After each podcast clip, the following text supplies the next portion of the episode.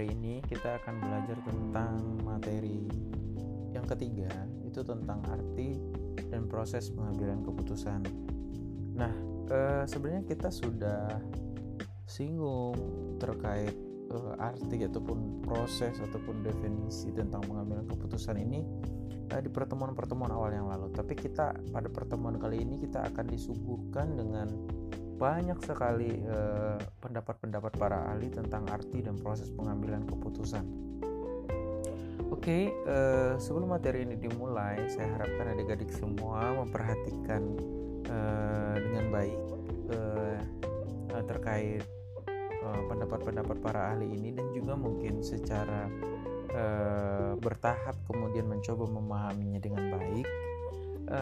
Yang pertama itu kita akan lihat uh, definisi atau arti dari pengambilan keputusan, ya, uh, yang cukup terkenal itu pengambilan keputusan menurut uh, Siagian dia bercerita tentang uh, bahwa pengambilan keputusan itu merupakan pendekatan yang sistematis terhadap suatu masalah.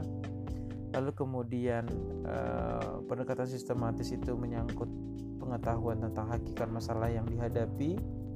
Lalu adalah proses pengumpulan fakta dan data yang relevan dengan masalah yang dihadapi analisis masalah menggunakan fakta dan data, mencari alternatif pemecahan, menganalisis setiap alternatif, lalu kemudian e, ditemukan alternatif yang paling rasional dan yang terakhir itu kita, be, dia berbicara tentang penilaian dari hasil yang dicapai sebagai akibat dari keputusan yang dipilih.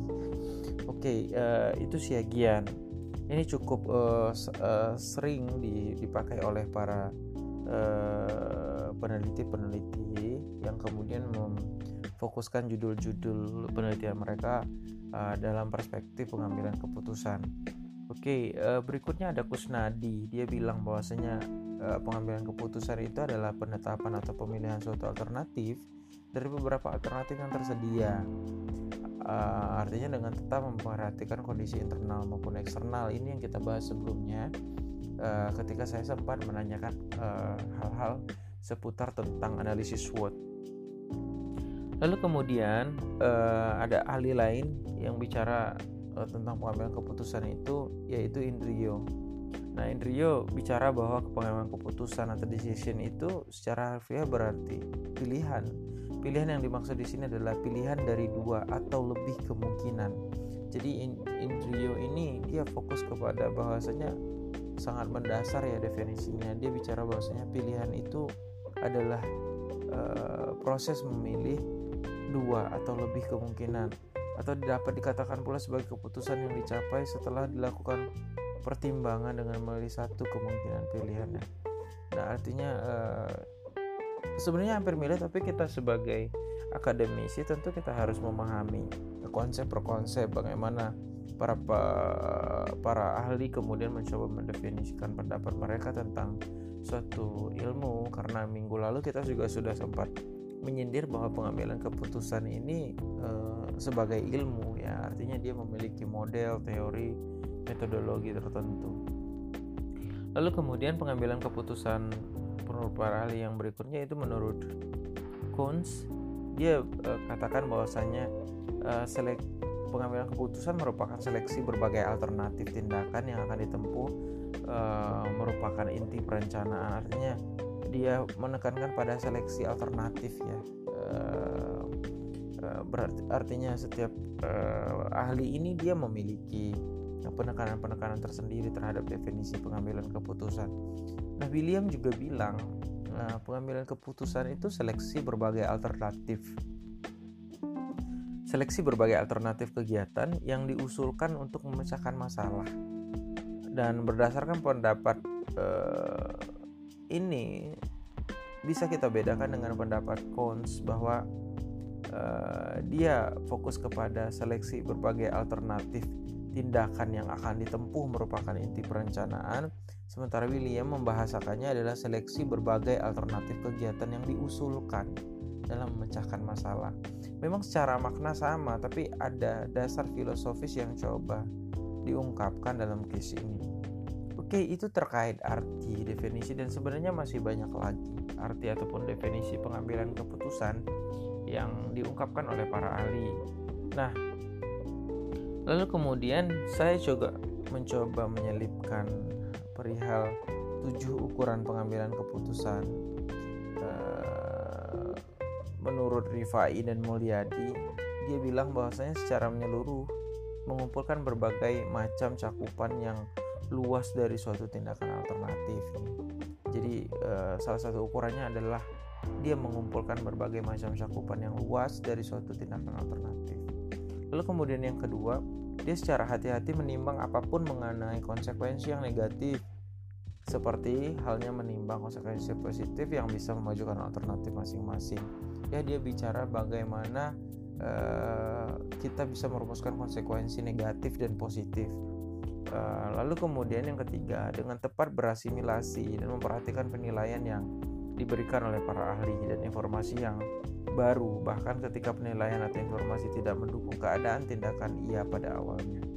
Lalu kemudian yang berikutnya ketentuan yang terperinci dan menetapkan atau pelaksanaan tindakan yang terpilih dengan perhatian yang khusus ke dalam rencana darurat yang hanya akan diperlukan jika kita mendapatkan risiko.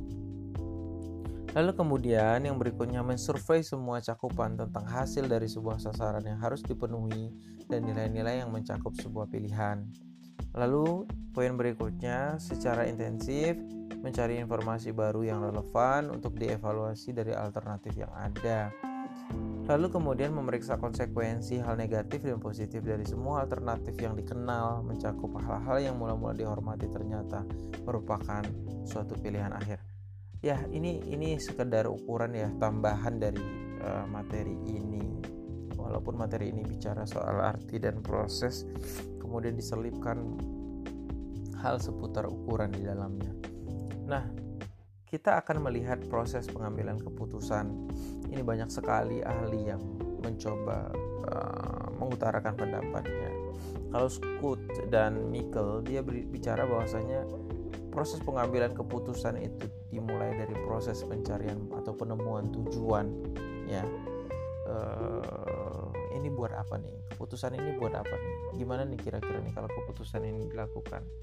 lalu kemudian formulasi tujuan ini mendetailkan tujuan-tujuan itu lalu kemudian uh, memilih alternatif-alternatif yang dibuat lalu kemudian mengevaluasi hasil-hasil menilai atau melakukan pengukuran berkala mengenai hasil nyata yang benar-benar dicapai artinya walaupun keputusan itu bersifat teknis atau kemudian dia sifatnya konkret dia dikeluarkan untuk mengatasi sebuah persoalan tertentu yang sifatnya individual kah uh, ataukah sifatnya teknis sekali kah ataukah sifatnya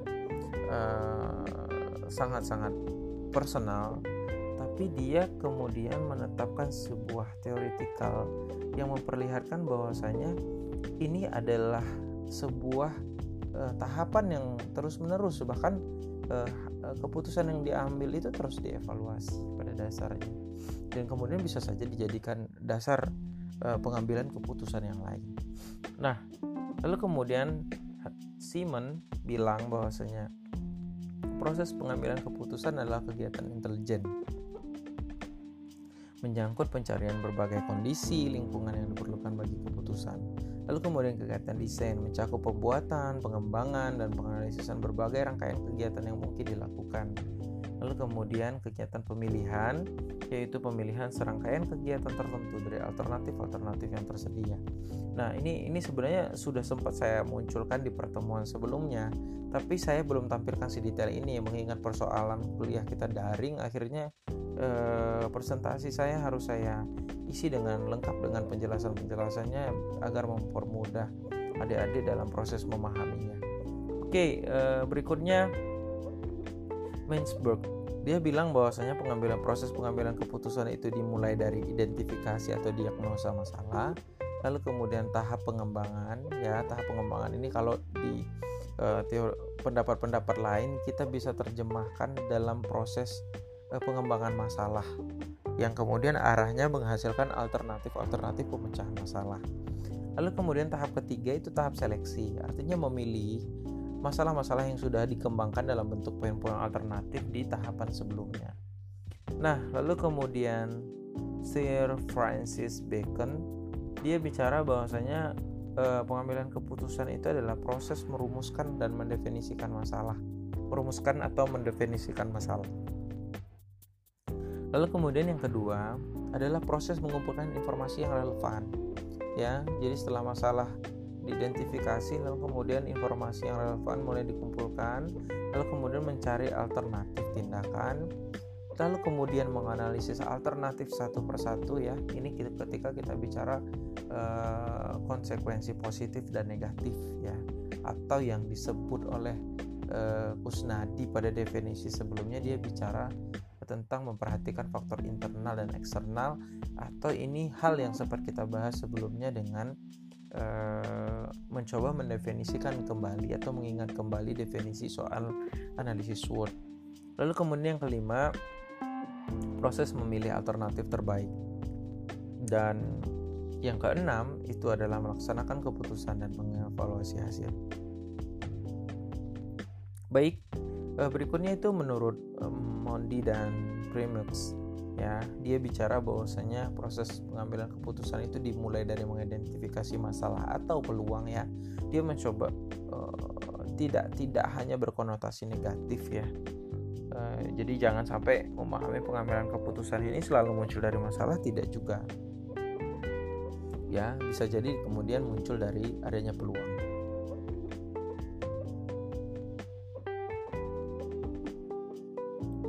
kemudian yang kedua itu membuat alternatif-alternatif ya. Jadi ketika melihat masalah atau kemudian melihat peluang dia kemudian mencoba membuat alternatif-alternatif. Lalu kemudian tahapan ketiga, dia akan mencoba mengevaluasi alternatif-alternatif itu atau yang sebelumnya kita kenal dengan tahapan seleksi, ya, atau kemudian uh, proses mengidentifikasi konsekuensi positif dan negatif. Lalu kemudian tahapan yang keempat itu berbicara tentang memiliki dan mengimplementasikan alternatif. Artinya udah udah dapat alternatif yang terbaik, lalu kemudian mencoba diimplementasikan. Lalu kemudian tahapan yang terakhir menurut Modi dan Primulx itu tentang mengevaluasi alternatif. Nah, berikutnya itu Drummond juga bilang bahwasanya proses pengambilan keputusan itu uh, dimulai dari tahapan mengidentifikasi ya suatu masalah, lalu kemudian memperjelas dan menyusun prioritas sasaran, lalu kemudian menciptakan pilihan-pilihan, lalu kemudian menilai pilihan, lalu kemudian memperbandingkan akibat-akibat yang diramalkan pada masing-masing pilihan dengan sasaran. Lalu yang keenam memilih pilihan dengan konsekuensi-konsekuensi dengan sasaran-sasaran. Artinya ini dia mencoba uh, Drummond ini mencoba mendetailkan ya. Dia menurunkan beberapa tahapan yang sebelumnya itu dikemukakan oleh para ahli sebelum uh, yang sudah kita jelaskan tadi. Uh, Drummond itu mencoba kemudian mendetailkan Lalu kemudian Febrina nih, Febrina bilang bahwasanya proses pengambilan keputusan itu dimulai dari mengidentifikasi masalah, lalu kemudian merumuskan berbagai alternatif, menganalisa alternatif, lalu kemudian mengusulkan suatu penyelesaian dan menyarankan suatu rencana tindakan.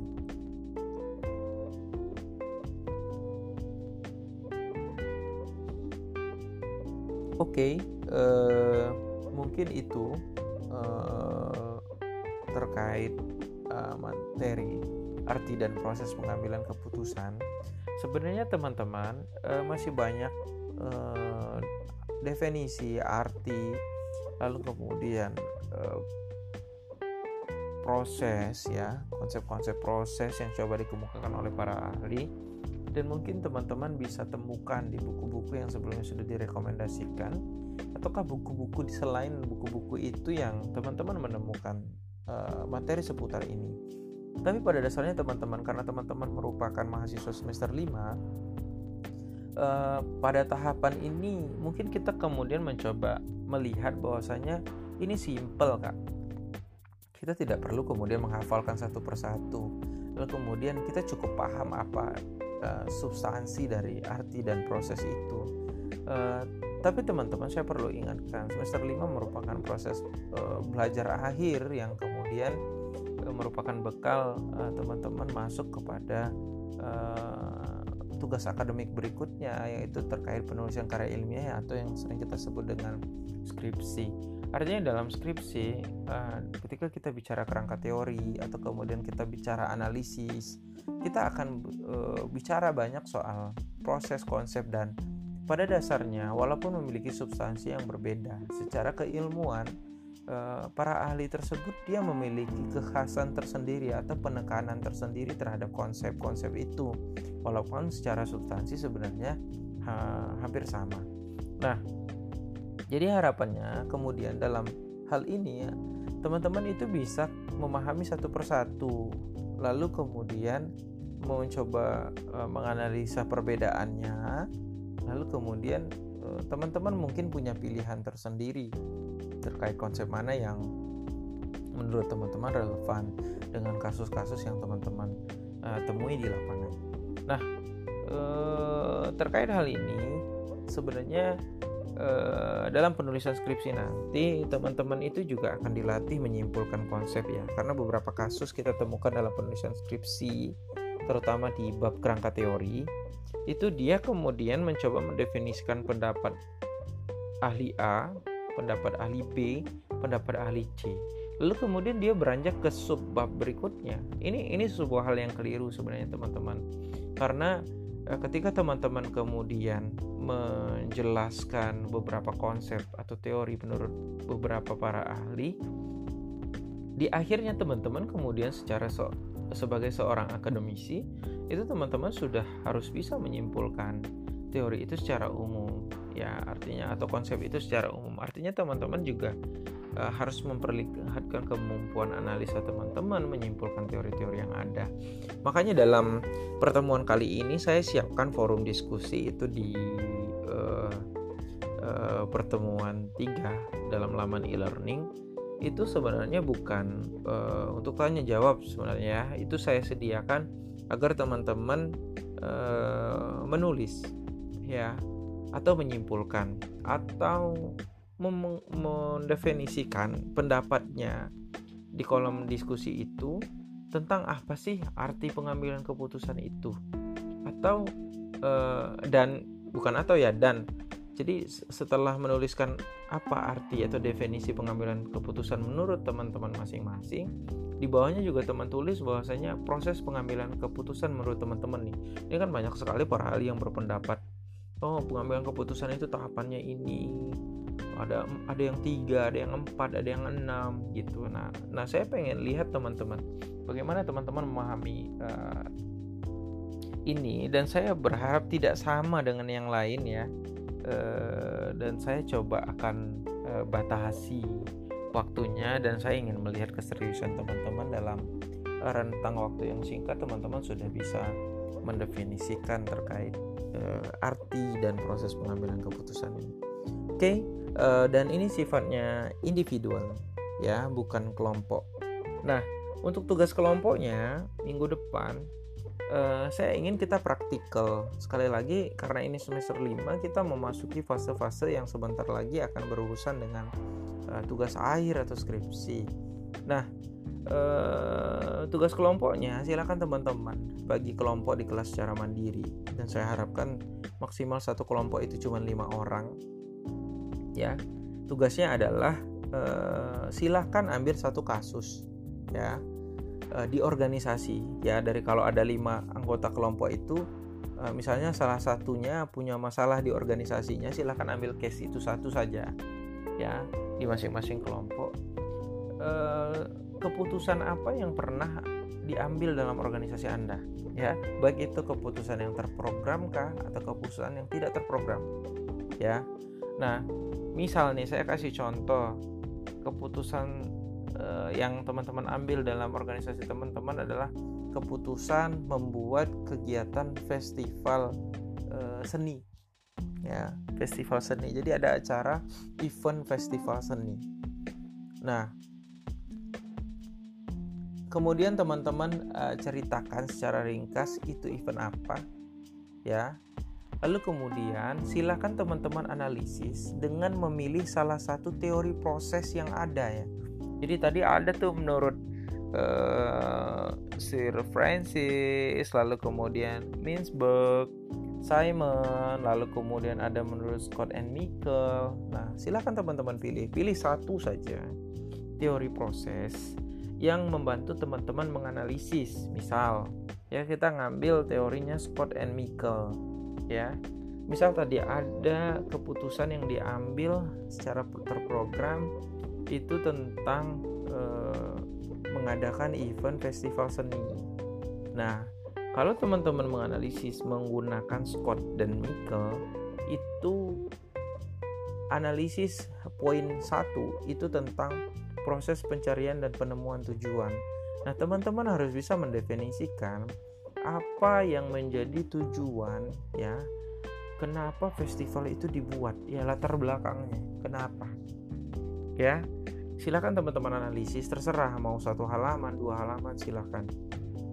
Lalu kemudian yang kedua silakan teman-teman eh, formulasi tujuannya. Ya ini ini turunannya lagi ya secara mendetail.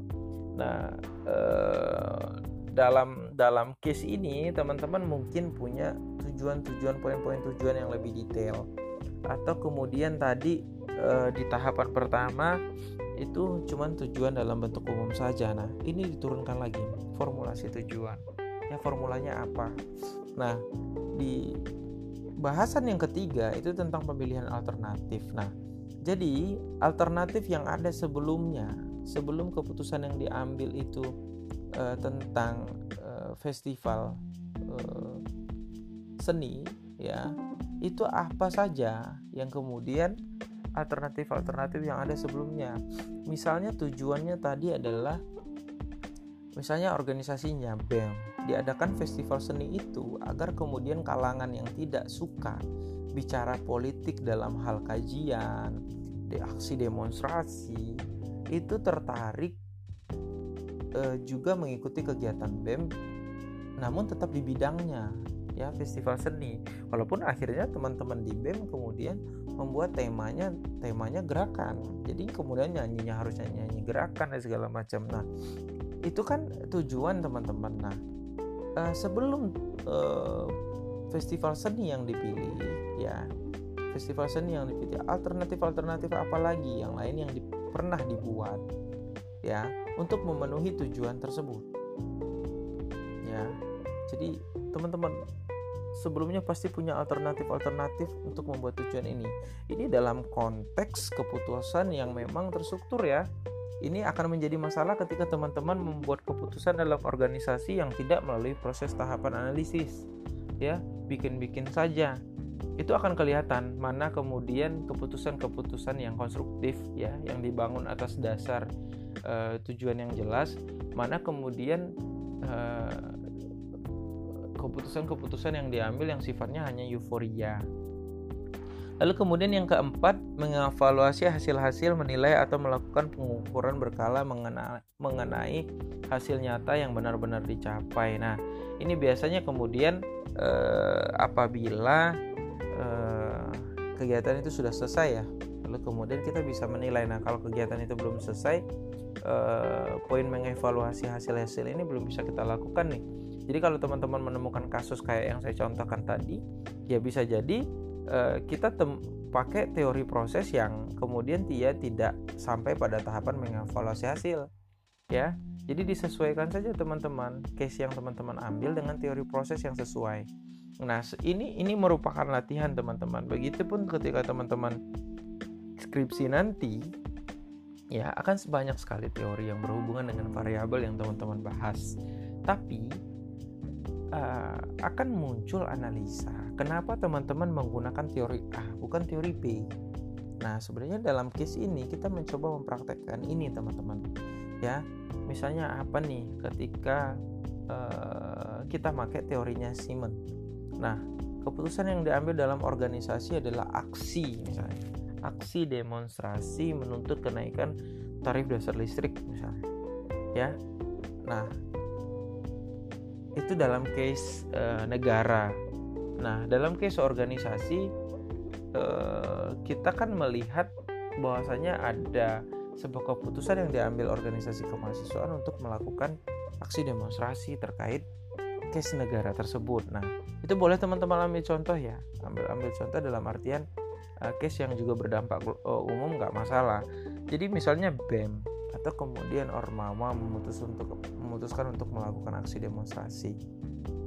Ya, uh, kalau ditinjau dalam proses pengambilan keputusannya, ya uh, poin satu itu kegiatan intelijen ya jadi teman-teman harus bisa mendefinisikan apa kegiatan intelijen yang dilakukan sebelum keputusan itu diambil ya misalnya kajian dulu ya mencari data-data uh, lalu kemudian mengumpulkan berita-berita baik itu dari media online maupun media cetak mengutip pendapat para ahli atau kemudian uh, memintai pendapat pakar-pakar. Boleh ya tapi teman-teman harus uraikan. Jadi di poin pertama itu eh, kegiatan intelijen ya di bagian pertama analisisnya. Poin satu kegiatan intelijen. Lalu kemudian eh, adapun kegiatan intelijen yang menyangkut tentang eh, pemilihan eh, aksi demonstrasi terkait kenaikan tarif dasar listrik adalah ya melalui proses kajian, kajian yang seperti apa, mengumpulkan siapa dan lain-lain. Kemudian mendapat meminta para pakar memberikan penjelasan menjelaskan persoalan. Nah itu terserah. Lalu kemudian poin kedua adalah kegiatan desain. Nah dia mengembangkan ya apa kemudian alternatif-alternatif yang ada ketika itu ya. Bisa jadi aksi demonstrasi bisa jadi audiensi biasa jadi melakukan langkah-langkah diplomasi ya boleh ya nah lalu kemudian kegiatan pemilihan kenapa yang dipilih aksi demonstrasi Kenapa kemudian tidak dipilih eh, langkah-langkah diplomasi saja? Nah, ini ini perlu teman-teman uh, jelaskan di bagian ini. Nah, itu yang saya maksud tentang menjelaskan masalah dengan menggunakan teori proses. Ya, begitupun ketika teman-teman skripsi nanti adalah bagaimana kemudian kita bisa menganalisis sebuah masalah dengan menggunakan teori tertentu.